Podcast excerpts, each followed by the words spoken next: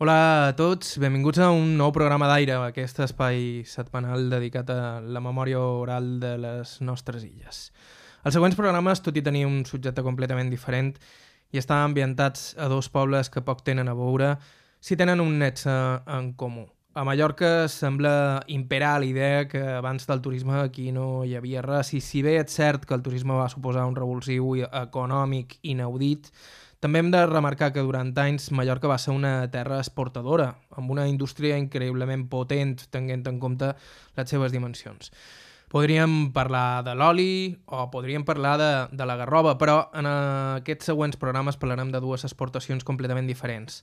La llata i les sabates, les primeres des de Cap de Pere i les segones especialment des d'Inca. Es tracta de dues indústries que varen tenir una influència increïble a l'hora de dotar de personalitat els seus respectius pobles. Un fet que comprovarem clarament en el programa d'avui i que varen desaparèixer aquestes dues indústries més o menys al mateix temps, quan produir aquí ja no era tan barat com a altres indrets. A Cat de Pere, i per entrar ja en matèria, la llata va crear unes condicions econòmiques que varen tenir unes conseqüències polítiques i socials precisament perquè va suposar que molta gent no depengués exclusivament dels amos de les possessions, però també va ser una indústria compartida per gairebé tot el poble, on gairebé totes les famílies tenien algú que s'hi dedicava directe o indirectament. Avui a Aire parlam de l'obra de Palma, de Cap de Pere i un poquet d'Artà i Cala Ratjada. Esperam que ens volgueu acompanyar. Començam.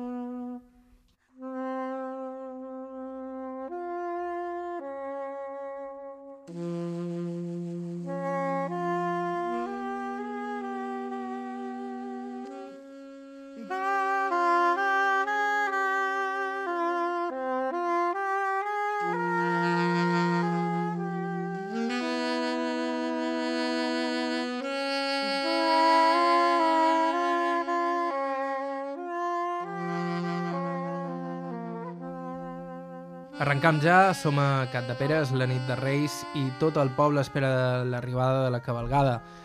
De fet, just al costat de l'església és on m'esperen a mi en Miquel Garau, de malnom Bessó, i la seva. Bones, és aquí Can Miquel. Sí. Com estàu? És Sant Joan. Sí, som molt fans. Què tal tot? Com estàu? Anant bé. Sí? Eh, aviam. Molt bé. Que som majors i no... Casa primer. Com anam? Jo? Un rei? Sí. Sense barba, En mirava... Com estam? Va bé, va bé. En Miquel Bassó va viure tota la vida a la llata. De fet, els seus pares ja es dedicaven a fer graneretes, aquests estris que a Mallorca s'usen per fer net a la xamanella o fins i tot també per pintar o per posar calç, i que es feien a partir del que sobrava dels tallers de llata.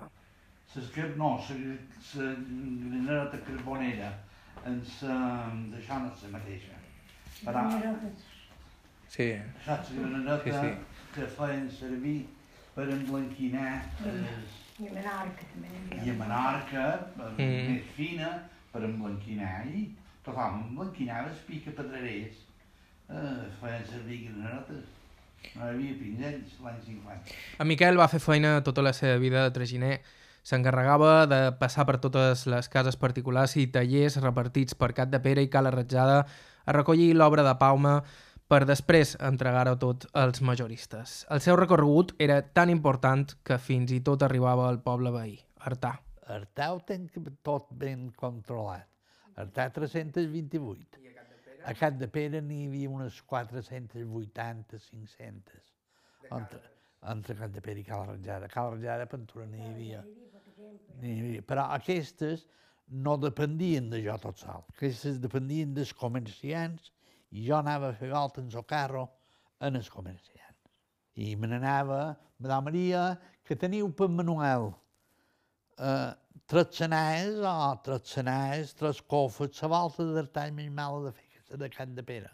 I és perquè te donen dues llates teixides de nou cames negres, dues de blanques, que és diferent preu, dues de set cames, dues de set cames negres, eh, 10 lletrons de capell negres, 10 lletons de capell blanques, eh, quatre sanetes fines de 8, eh, de 9, a de 10, a de lo que i has de fer una suma més. No hi havia maquinotes, n'hi ha hagut mai, no n'he fet mai. Jo de volta amb maquinotes i sumar.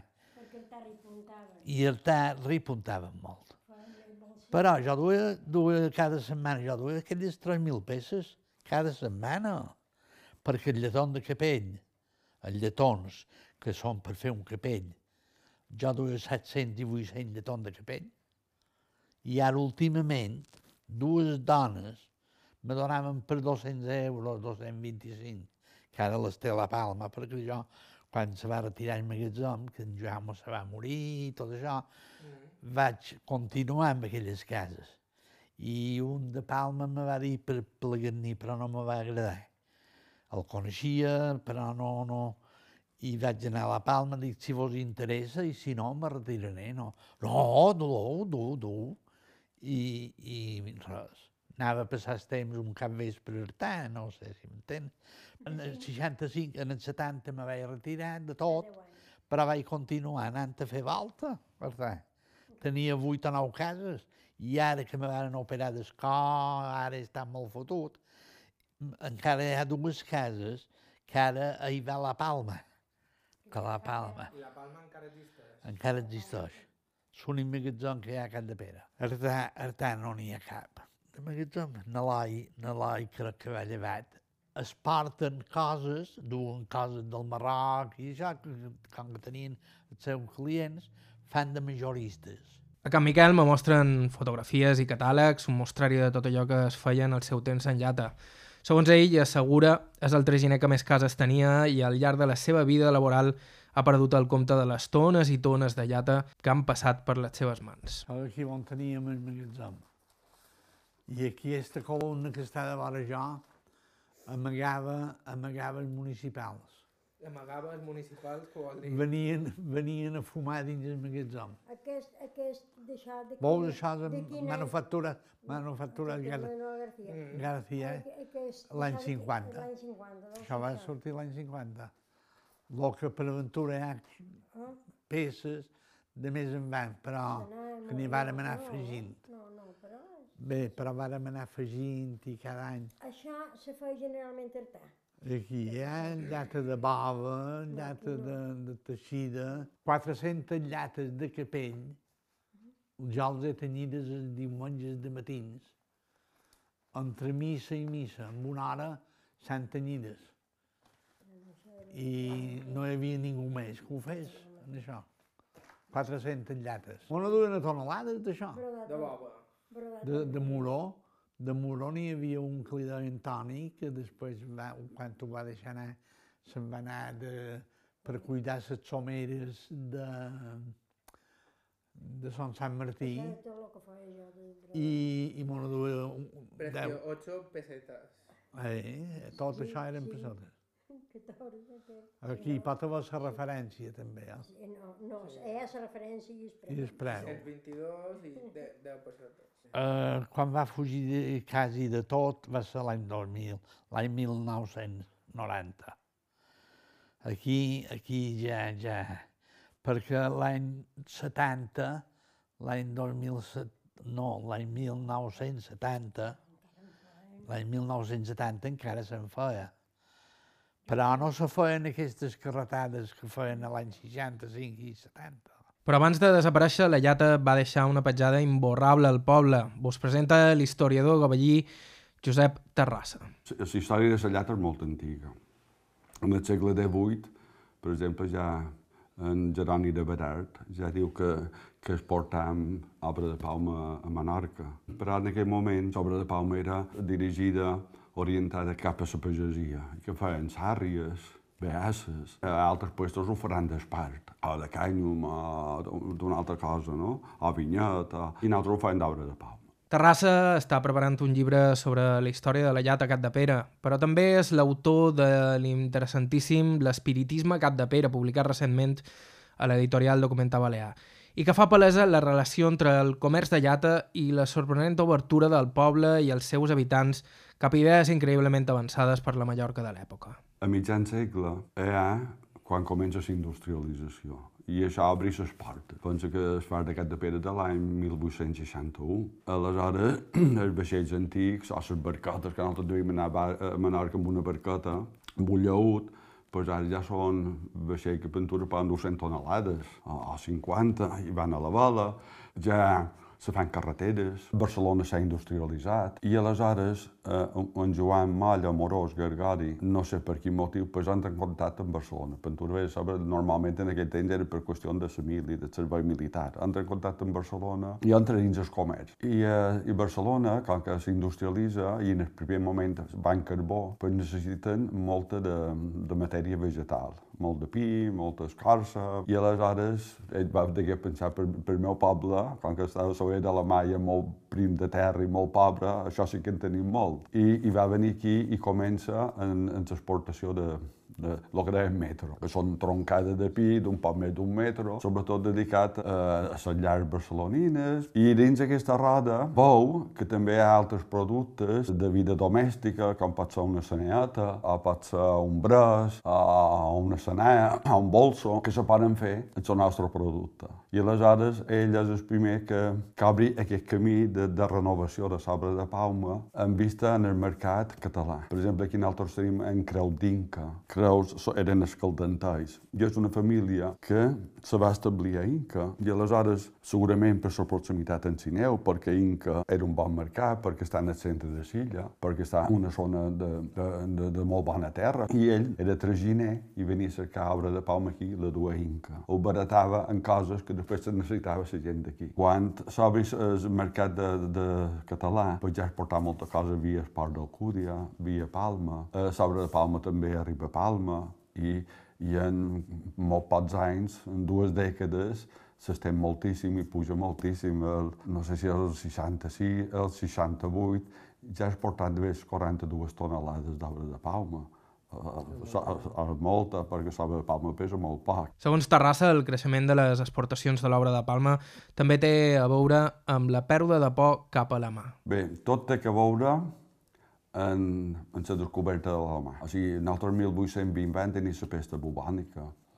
La gent aleshores encara tenia pa a la mà, en el sentit de que per la mà venia tot lo xerec, venien els contagis, les algues, eh, deien les males olors. Eh, eh, clar, la gent no s'explicava el per què per la, per la mà mos entrava totes aquestes malalties i aleshores eh, quan hi havia un moment de, de, de, de, de, de o de, de mor mortalitat que no sabia d'on venia, pues, feien el cordó sanitari, enviaven eh, els soldats perquè no deixassin aïllar l'exera, però tipus, tipus poble. O sigui, el 1820, quan hi ha l'epidèmia, pues, se tanca Son Cervera, Cap de Pere, fins a Sant Llorenç, tot això, no, la gent no podia entrar ni sortir, perquè podia portar eh, el morbo que li deien.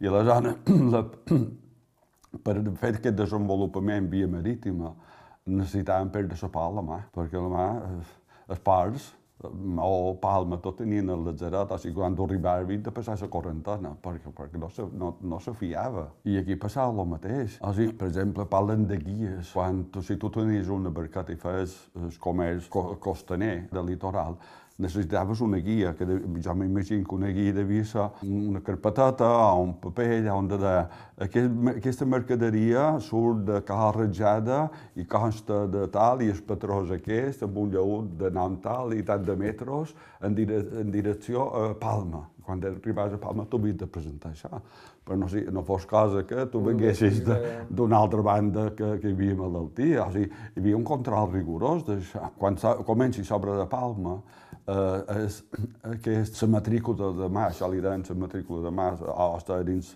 la normativa de la matrícula de mà, això. Eh, el lleva la Primera República, que me pareix que és el 73, però fins al 73 hi ha aquest control rigorós perquè la gent a la mà de lo que pugui venir per la mà que tant si és un pirata, la pirateria desapareix. Ja les darreres coses documentades són de més 1830, 35, o sigui, quan França comença a colonitzar Nord d'Àfrica, és un perill que serveix. I passa ja dit del 35 en el 60, eh, són els anys d'un- canvi complet, se, el trànsit marítim se normalitza, posa se fan els fars, eh, comencen a haver-hi correus, eh, o sigui, vaixells que fan setmanalment, tu saps que pots anar de Barcelona al Cúria Maó, o a Barcelona Palma. Eh, per exemple, el mallorquín de Georgi Sant, no sé si és del 37, mm. i, i fa poc temps que, que havia entrat en, en circulació aquest trajecte Barcelona-Palma. Diguéssim que era quan el Mediterrani va començar a ser més segur. i més- Exacte, exactament. I, i, i se perd la pa a la mà. Casa Salamà, sobre de mà, no comencen fins a la segona meitat del segle XIX. Uh, en, en altres a Cal Ratjada, la primera casa a Cal Ratjada era, era la casa de, de la possessió de Can Climentó. Però clar, a Cal Ratjada era possible perquè hi havia la torre de defensa del cap i, i, es, i, es, i, també, i abans hi havia hagut la torre cega en el Palau de Can Marc. O sigui, tenien una torre militaritzada a un parell de centenars de metres d'allà i aleshores se va poder fer aquesta casa perquè tenia un refugi segur i una vigilància a prop.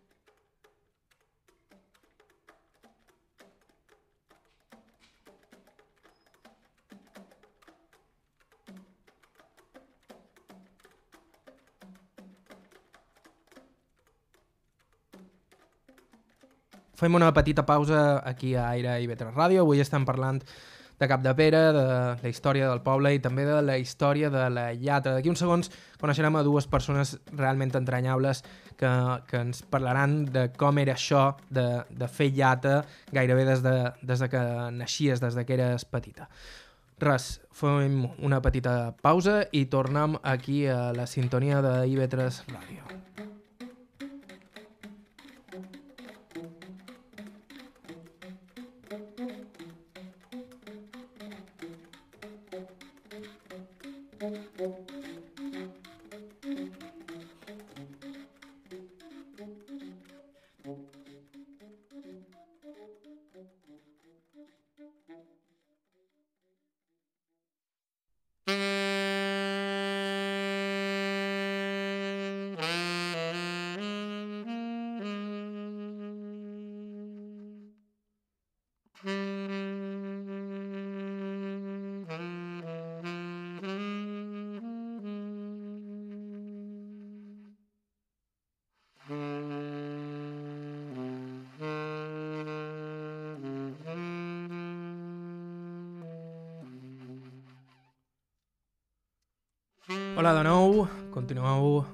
Sintonia de IB3 Ràdio, això és Aire, un programa que podeu sentir cada dimecres a les 10 del vespre via freqüència modulada, però el que també us podeu subscriure via podcast fent servir iTunes o qualsevol altre mitjà per l'estil.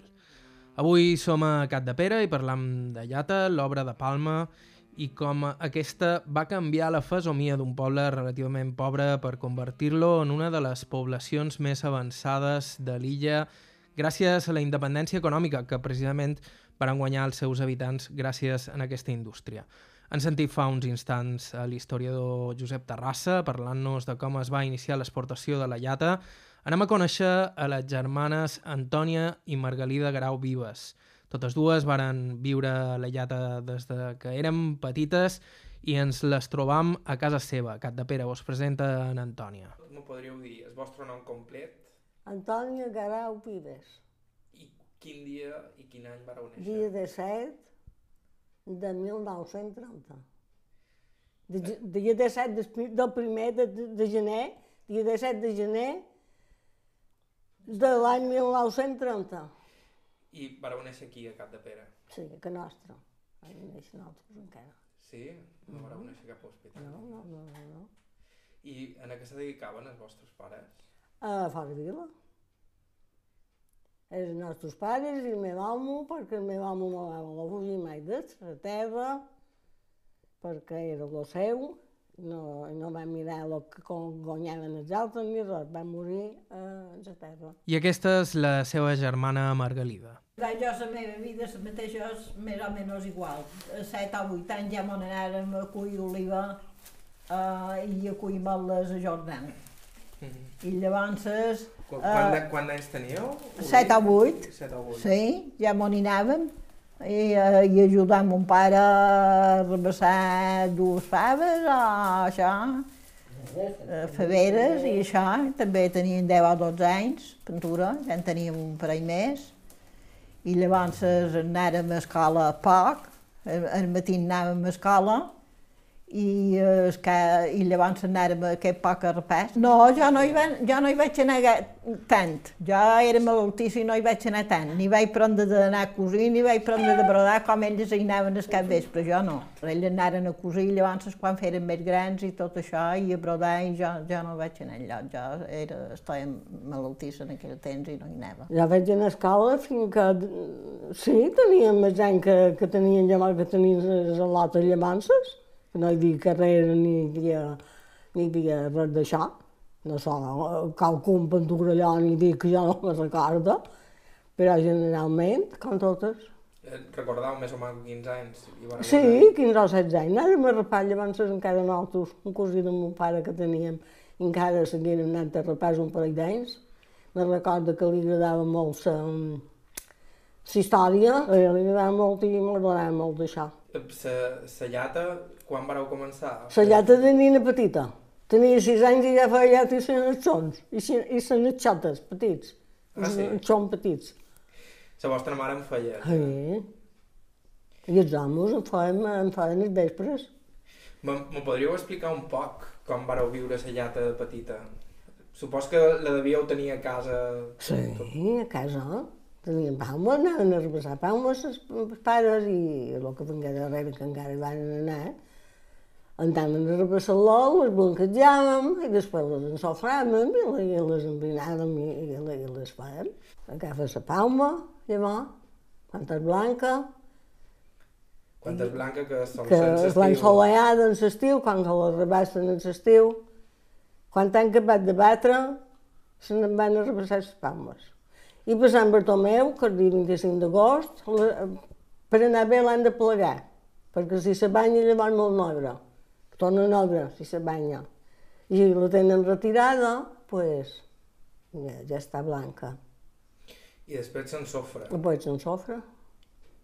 Després s'embrina, després fan els vins de la manera que volen, o més amples, o més estrots, o més fins, o més comuns. I van fer, fèrem brou de brossos nosaltres. Va venir un temps, un parell d'anys, que fèrem una abraçada d'això de ninots, palma. Feren moltíssims a Cap de Pere. I s'anaves per anar fora de vila i, i s'anaves per anar a comprar i per tot això, de, de, de, de, de tota la vida nostra. Primer sí, feies coses més fines, amb on anaven totes fines, més, més fines, i més ample i més negres per les cofes, d'anar fora de vila i per això, perquè duien moltes cofes de, de llata, es, es, es, de fora de vila de llavors. No hi havia goma, tot era llata.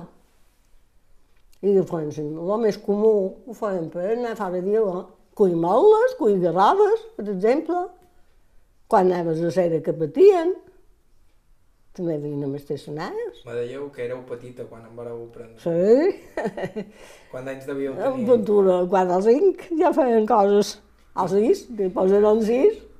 I devien ser coses senzilles. Sí, però... uns senzills menuts les fèiem, fèiem allà i cosíem, i un poc més gran ja fèiem pilotes d'això.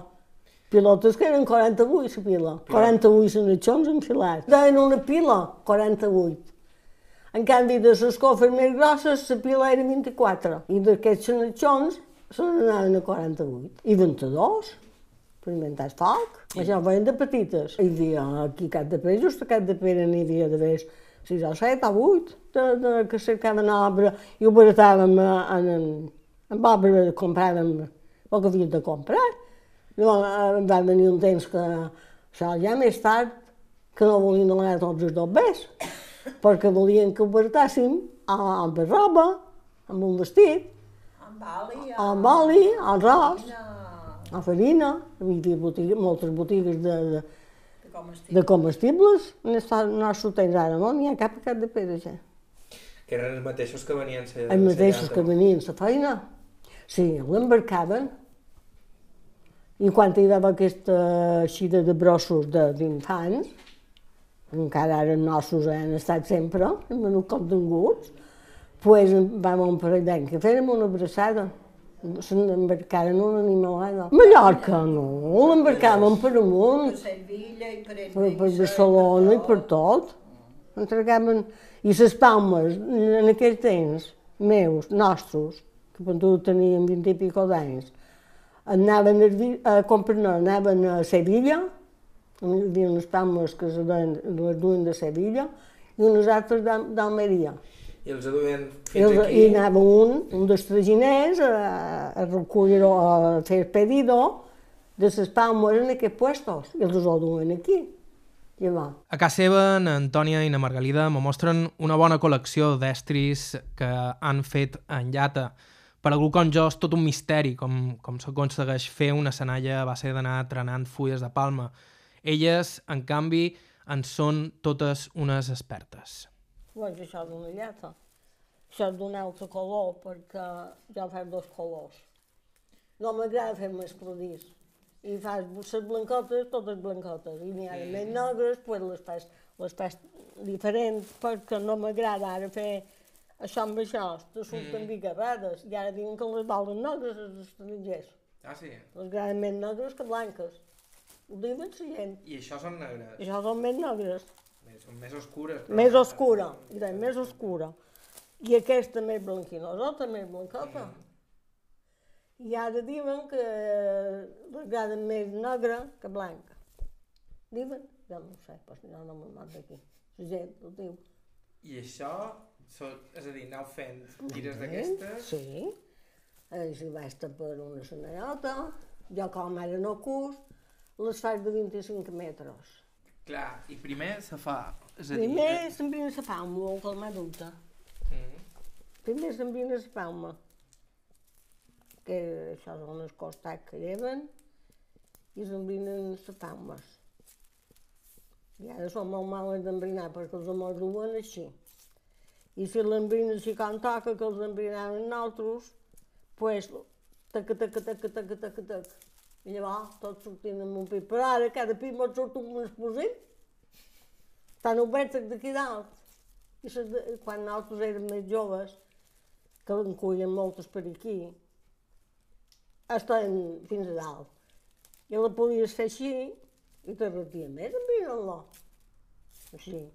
I llavors et sortien tot amb un pic. I ara, si no anem agafant-lo d'escapot, mos fa un explosió en cada pic. Les han d'embrinar així.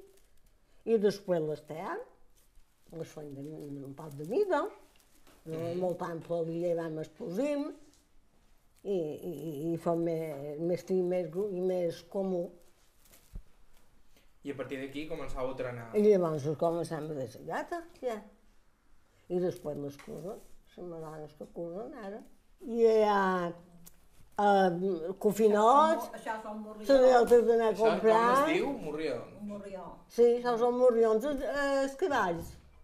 Quan anaven a fora vila, duen un morrió, Ah, les fan unes ensotes i una corda, i pues, quan havien de dinar a migdia, quan anàvem a dinar, les ho penjaven en el, en el cap, un arbre, davant un arbre, i menjaven aquí de dins. Això és una seneta eh, com a de fer gues d'estam.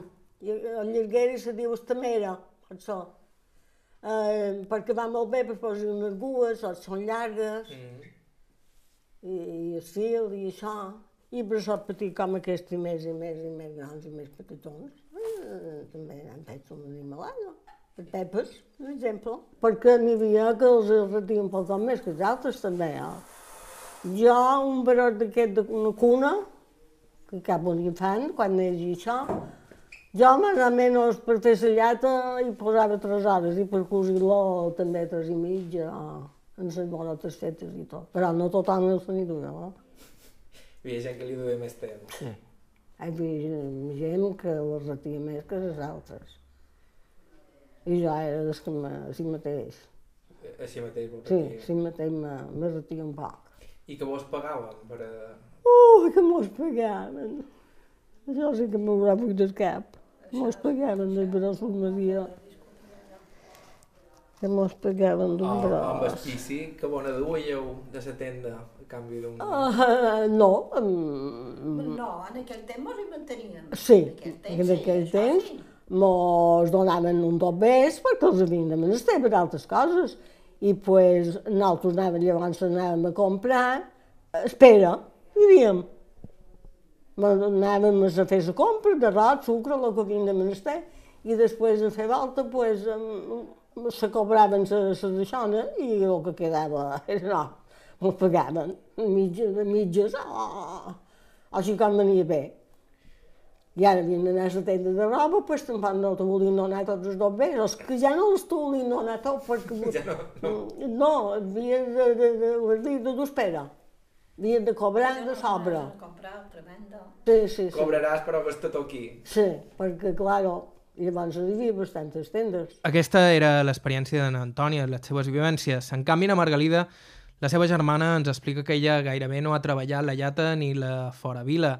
El seu home va ser dels primers municipals de Cap de Pere i ella es va posar a fer feina en fulla de blat de moro. El meu amo ja no hi va fer de tot d'una, meu amo ja de tot d'una ja va fer de pica pedrer, i llavors més en van quan que ja va estar malalt, eh, se va fer del primer municipal que hi va haver, D'aquí de Cap de de Can de Pere. I, I jo, llavors, ja que era casada, que vaig tenir el nin, llavors que varen posar aquesta impresa d'un parell que se deia rotlli, i que van dur maïs i me vaig posar a fer maïs. Devia ser diferent. A ser... Sí, molt diferent. Eh, També l'havien d'ensofrar, també era blanca, també s'ensofrava, i se feia llata i se feia tronella. Vale? Quina diferència hi ha? Uh, la tronella era igual de fer una cova a una, a una nina, per exemple, les tres cames. Jo vaig fer, quan va néixer la meva neta, li vaig fer una canestreta així per tenir el menudall a a de, que, que vera de tronella de, de maïs, encara li vaig fer de maïs i encara se conserva igual, té 35 anys. Se conserva ben igual, era tan fort com pogués ser la llata. I això se venia també fora. Això també ho venien a fora, sí, això sí que se no duien a fora. Mm. I llavors me vaig tornar a posar a fer a cosir eh, coses d'aquestes, I, i, sanetetes feis- i, vos- morrions. Cosiu més que no... Jo, jo no faig llata. Jo llata puc dir que no en sé fer, ja. Perquè fa pintura 60 i pico d'any que no n'he feta. El meu fill té 62 anys i ja no, no, ja no, no n'he feta de llata. Però de petit en deguéreu fer. De petita sí que la feia, sí, feia com elles, 22 i quatre sanetons i això, però després quan vaig ser més gran ja no, no, no vaig fer llata, no n'he fet, no en fas. I, i brossos, no n'he cosit cap mai de bros, jo. Sempre he fet cosa més, més fina. Mm De, de, de, de, ara fan més comú de, de morrions i coses d'això perquè ja, ja no veig de tanta fina. I com era el poble quan éreu jove? Más o menos el centre del poble, més o menys. Sí, hi havia els mateixos carrers, hi havia el mateix. Han engrandit. Bueno, al centre del poble, dic. No s'ha mogut al centre del poble. Aquí darrere mateix, Lo en altre, Han allargat, de, tots aquests d'això que hi ha, aquests pisos que hi ha ara grans i tot això s'ha fet. Doncs s'ha que nosaltres, eh, de, de fa un parell d'anys, i a Cal de Rajada també s'ha- s'han engrandit, una barbaritat. Cal de Rajada era molt petit, I anàveu... només hi havia els pescadors, i claro, anàvem a festa, per Sant Roc, A peu. a peu, Que bé, de fet no està molt tan fora. Tant. no. I a Cal de Rajada ara no té ni, ni, ni, ni, bueno, ni comparació.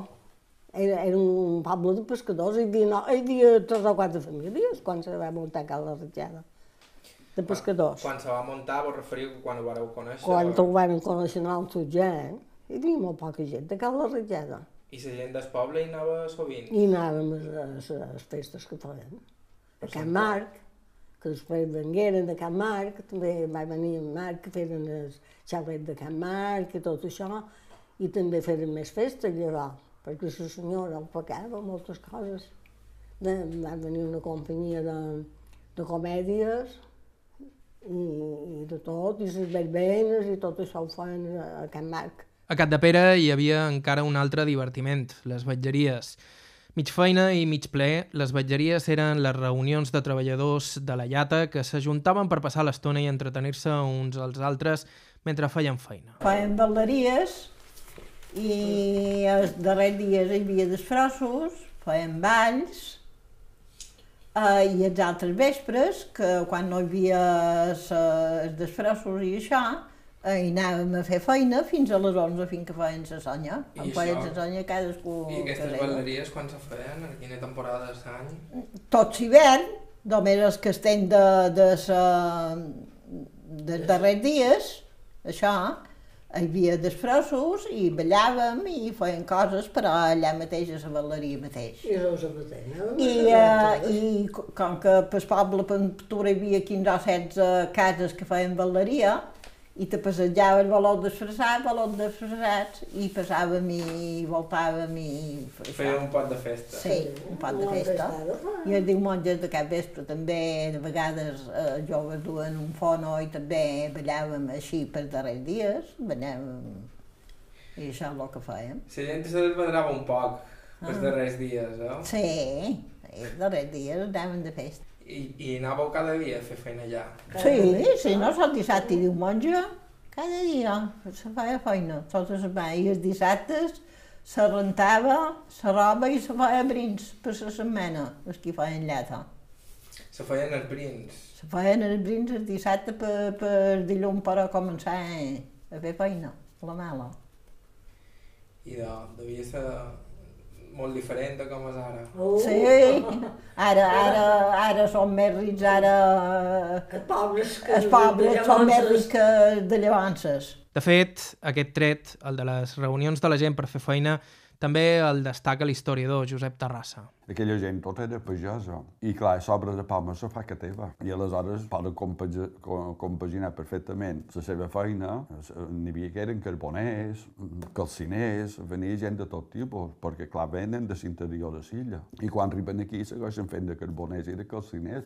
I nosaltres una cosa que es portava, per exemple, és calç i carbó. I aquesta gent ve i clar, quan ha acabat eh, el jornal de feina, de la feina, o jornals que pugui fer, per arribar a casa seva i té una altra feina per fer que fer obra de palma. I llavors, per estalviar, pues, se trobaven a les cases i s'agrupaven de la mateix carrer, o la família, o els veïnats, i així clar que és una cosa que pot fer quasi en els ulls, pues, eh, junts pues, se xerraven i s'entretenien i se- s'espantaven la por, o la son, perdó, la son, eh, fer estant junts perquè sempre n'hi havia qualcú que movia conversa o si hi havia xerrar que trobajaven eh, i, i si això encara no anava bé, pues, després se socorraven.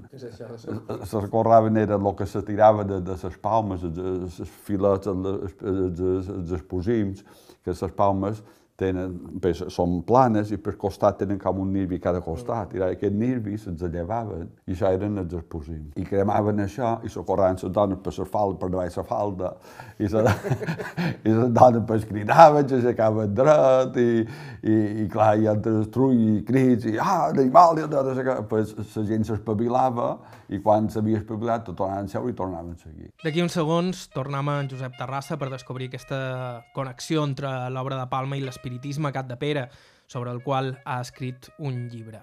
Abans, però, una darrera anècdota que ens explica Margalida Grau Vives i que ens sembla divertidíssima. El primer cop que va visitar Palma. De petita, quan me vaig casar, per mi va ser la primera vegada, tenia 22 anys, I, i, i anàrem, anàrem a la plaça d'Espanya, a les Palmeres a Geure, I, I això va ser la vostra lluna de i això va ser la nostra lluna de mel, i feien lo que el viento se llevó, que anàrem a veure la pel·lícula, que m'on anàrem amb un altre matrimoni, que també s'havia casat el mateix dia. Ah, sí?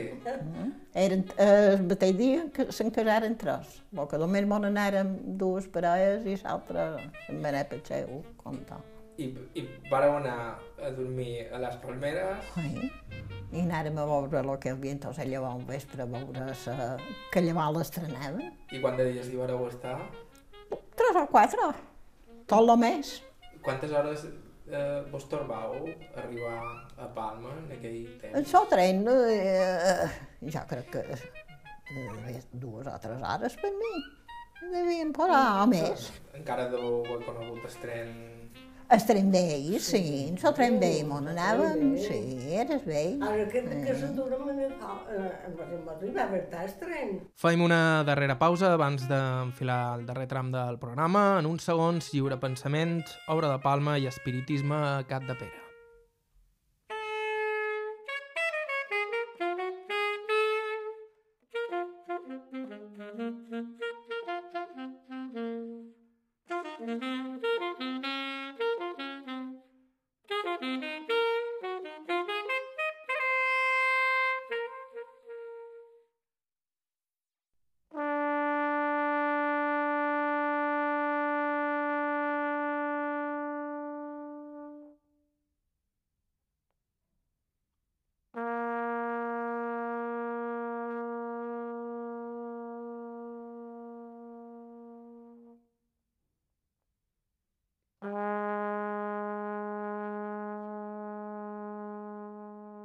Hola de nou, estàu escoltant Aire i Vetres Ràdio, darrer tram del programa d'avui, en què hem conegut un poc més de prop la llata i l'obra de Palma.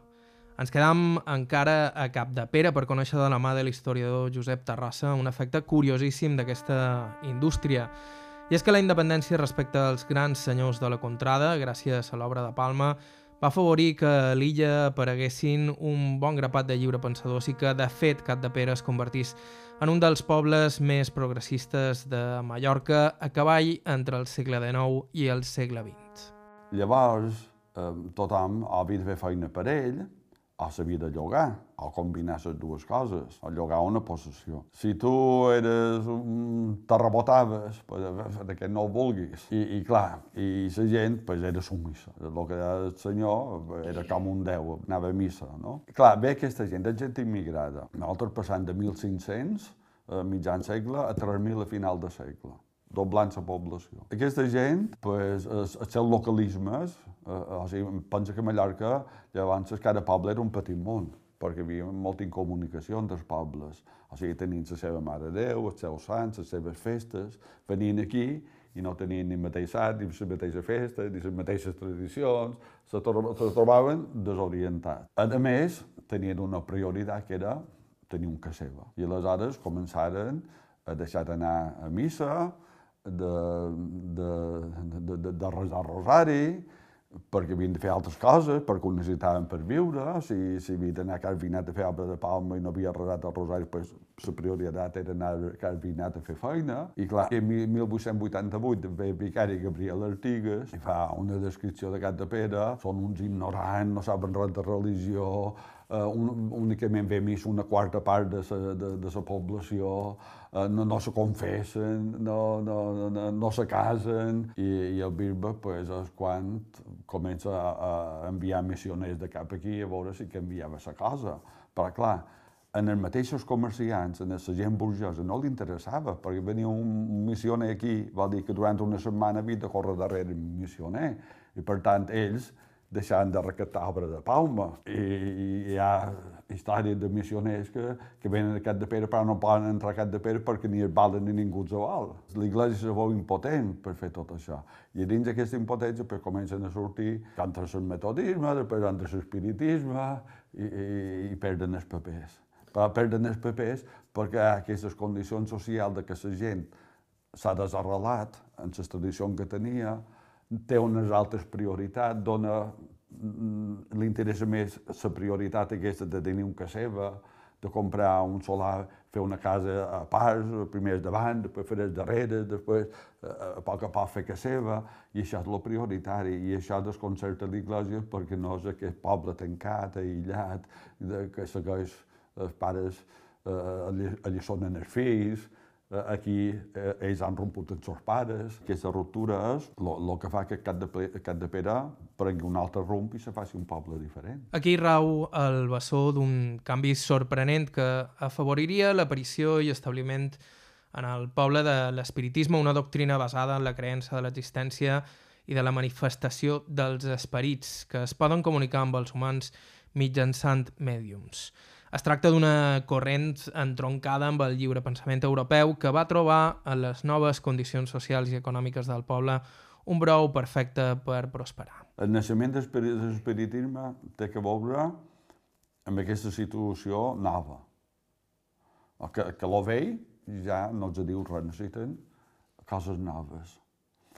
Políticament ja passa el mateix. O sigui, nosaltres aquí en el, el 68, el 74, la gloriosa, la revolució del 68, 1868 fins al 74, aquí tot el poble va ser republicà. En part perquè nosaltres el 58, 1800, ens havíem independitzat d'Artà. Per independitzar-nos d'Artà ens hagueren d'enfrontar amb els senyors d'Artà. Els senyors d'Artà eren conservadors, eren realistes. Eh? Clar, ens hem d'enfrontar. I què fan? Per, per enfrontar-nos això, nosaltres ens tirem cap a la ideologia liberal.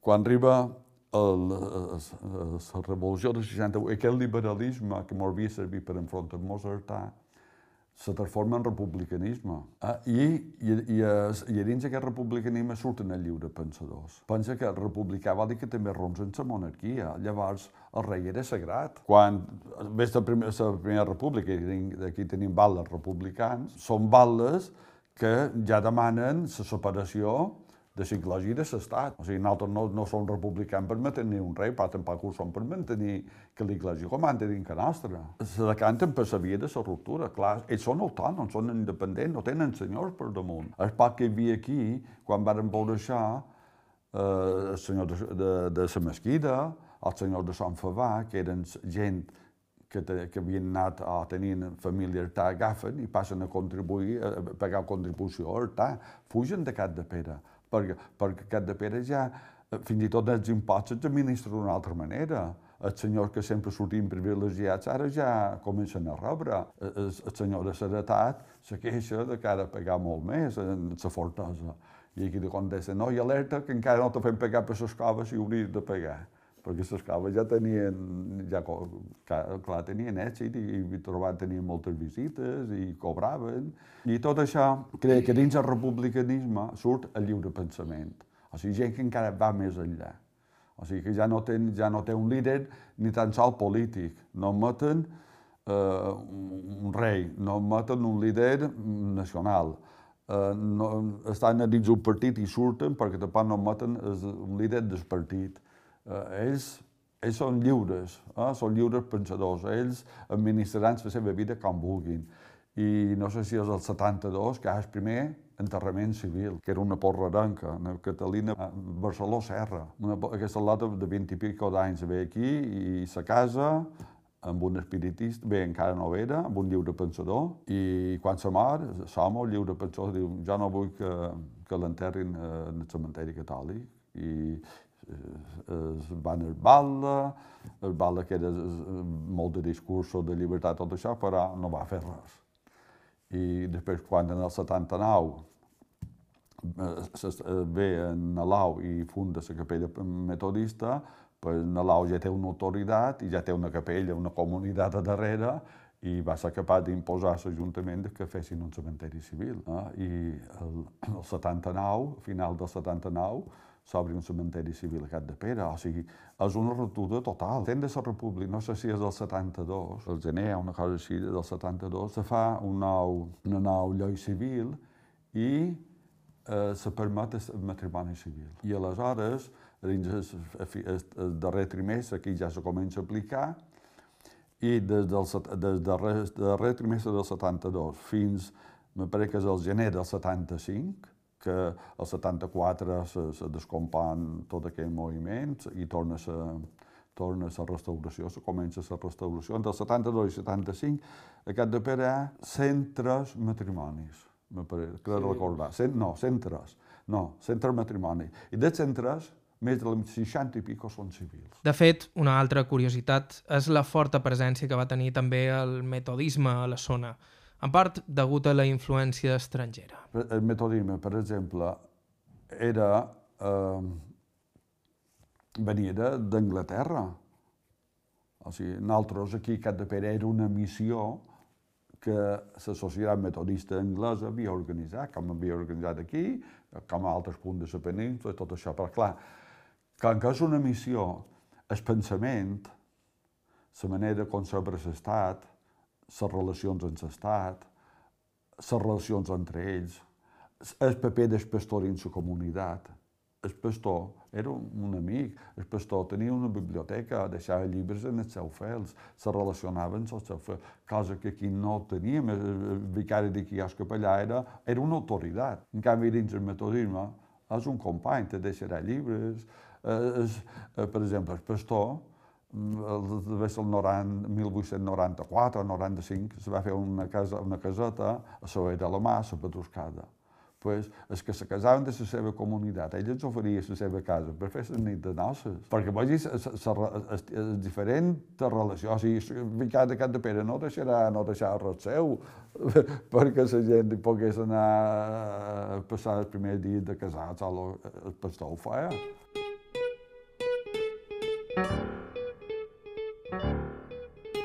Per suposat, això va desaparèixer amb la dictadura.